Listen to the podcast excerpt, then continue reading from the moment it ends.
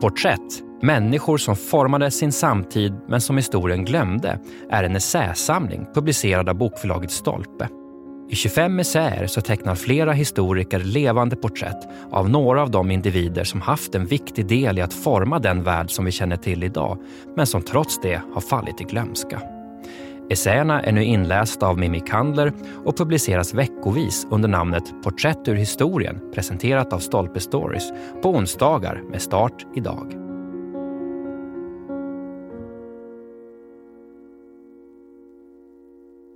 Maria Antonia av Bayern, den mångkunniga kurfurstinnan. Av Catherine Ostler. Operan Talestri Regina della Amazzoni inleds med att en motsträvig ung Talestri blir drottning över det krigiska amazonfolket. Hon slits mellan plikten och kärleken. Som amazonernas härskare måste hon avstå från män. Talestri är en historia om kvinnlig makt i strid med personlig lycka, om ledarskapets politik och om konflikten mellan offentliga och privata jag. Här finns äktenskap, död, krig och moderskärlek och starka kvinnogestalter tar ledningen. Att denna uppvisning av kvinnlig handlingskraft, ett verk som är så präglat av sin tid, fastän det bygger på en antik myt, skrevs på 1700-talet är det ena som gör det märkligt. Det andra är att dess upphovsman, en librettist och kompositör, med den konstnärliga pseudonymen ETPA var Maria Antonia 1724 till 1780, en bayersk prinsessa som blev kurfurstinna av Sachsen. Hon till och med sjöng huvudrollen själv. I likhet med Talestri formades hennes livsbana av kärlek, politik, död och krig. Maria Antonia var dotter till en kurfurste och hustru till en kurfurste det äldsta överlevande barnet till en bayersk kurfurste som blev den tysk-romerske kejsaren Karl den sjunde. Och under en kort period även kung av Böhmen. Och hans hustru Maria Amalia av Österrike.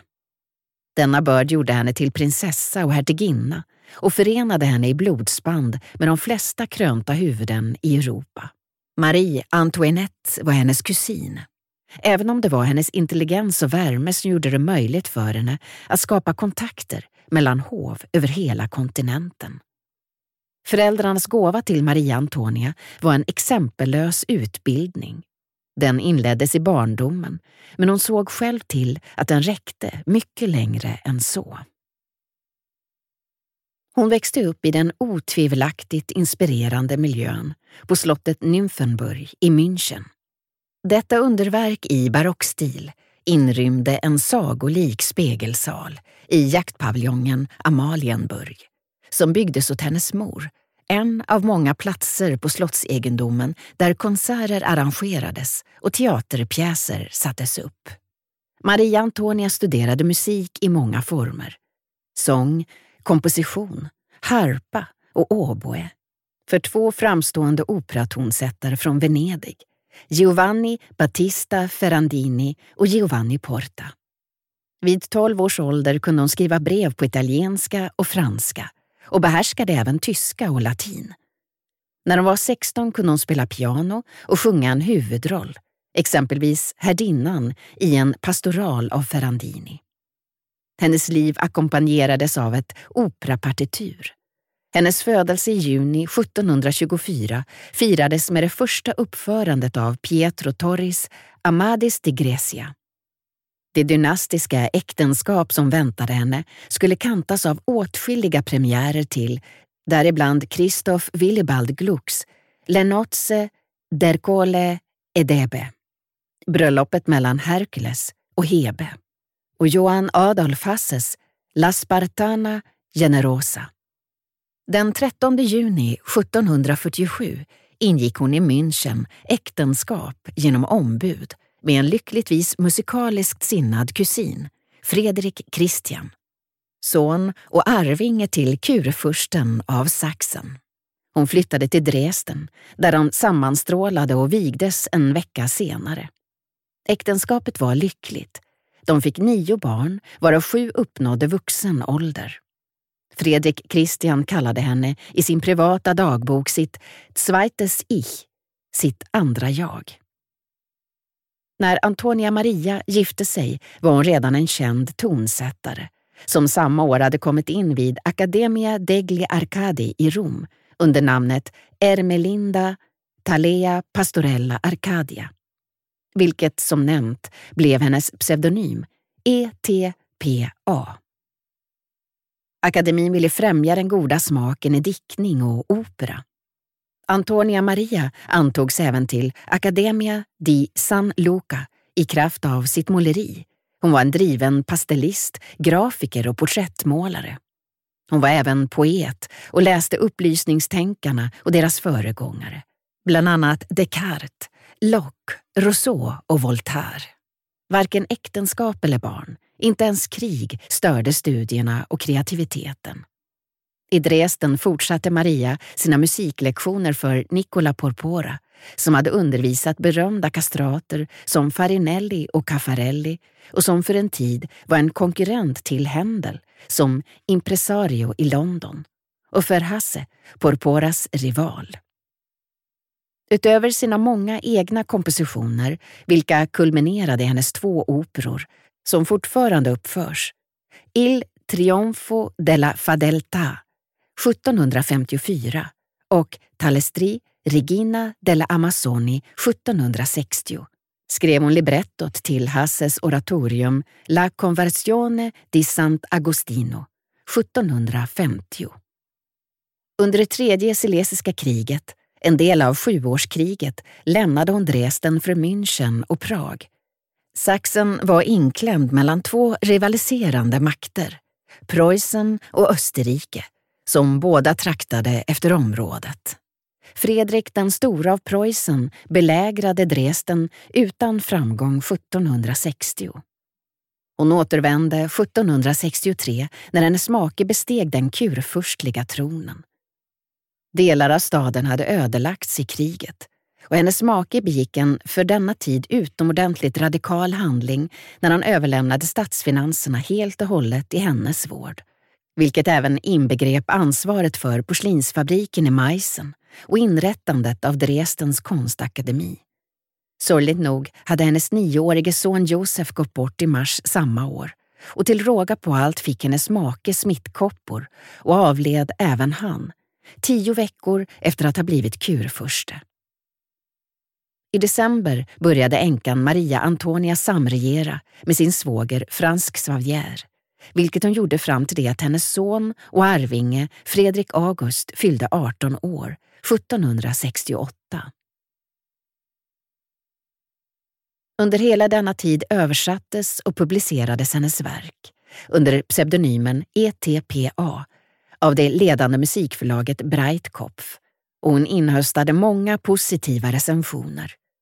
Hon var även mecenat för musiker och konstnärer som exempelvis Anton Rafael Mengs efter krigets härjningar blev hon entreprenör och startade två textilfabriker och ett bryggeri för att hjälpa den lokala ekonomin att återhämta sig. Trots detta stora ansvar välkomnade hon främlingar i sin krets och hade talang för att knyta vänskapsband. År 1745 i München, före sitt giftermål, hade hon instiftat en Ordre de l'Amitié, en vänskapsorden som knöt samman hennes syskon och vänner med hjälp av diskretions och lojalitetsregler.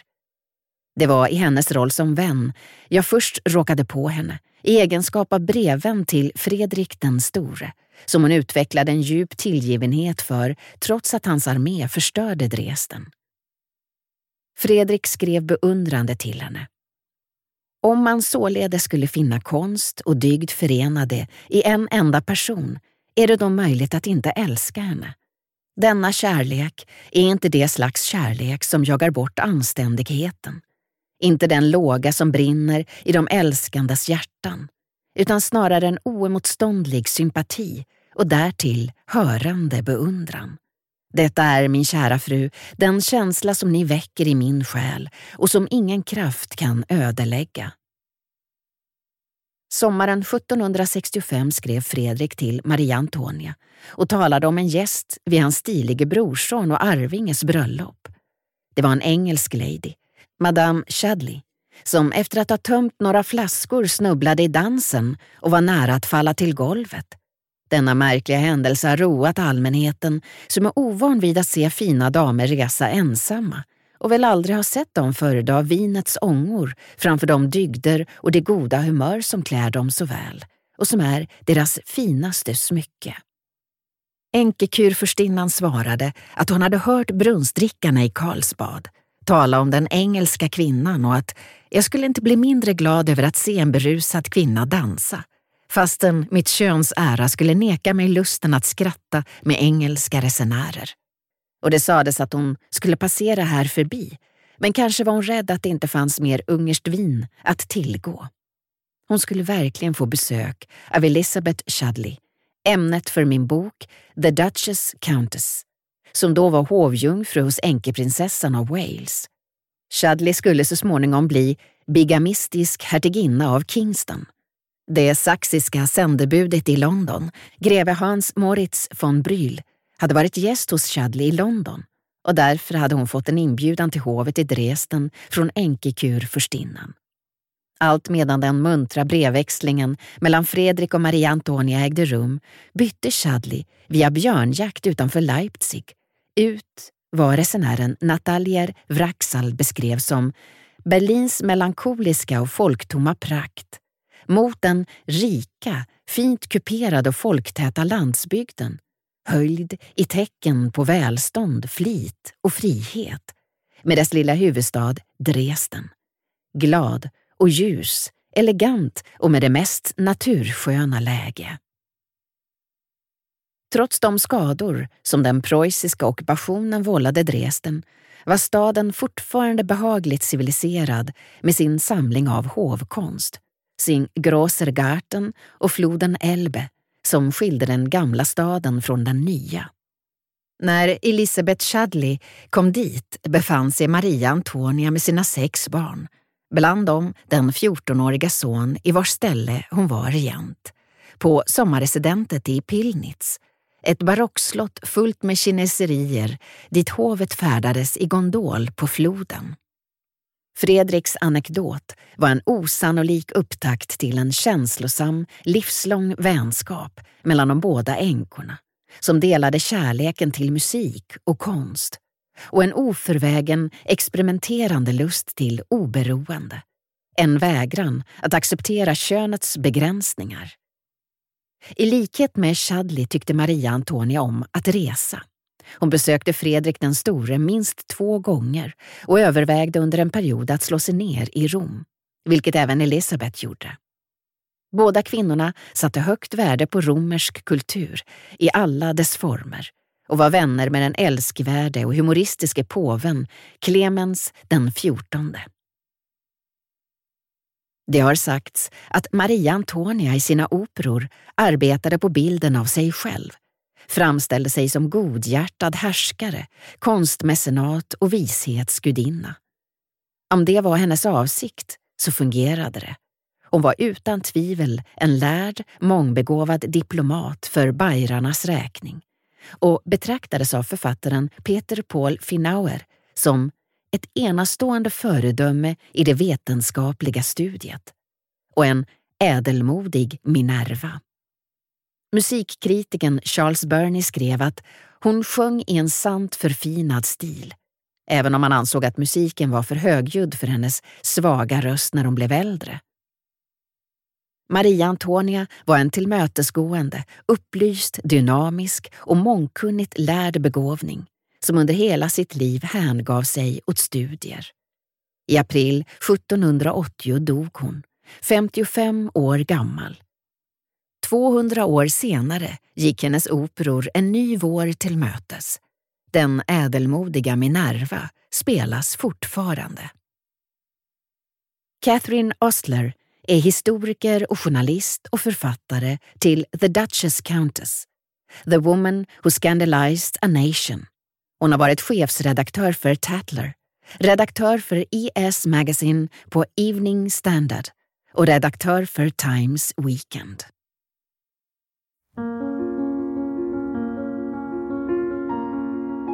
Du har lyssnat på poddserien Porträtt ur historien som presenteras av Stolpe Stories och inläst av Mimmi Kandler. Serien är baserad på essäsamlingen Porträtt, människor som formade sin samtid men som historien glömde. Essäsamlingen finns ute nu. Glöm inte att du som lyssnar har 20% rabatt på alla bokförlaget Stolpes titlar på Bokus.com. Ange rabattkoden STOLPE20.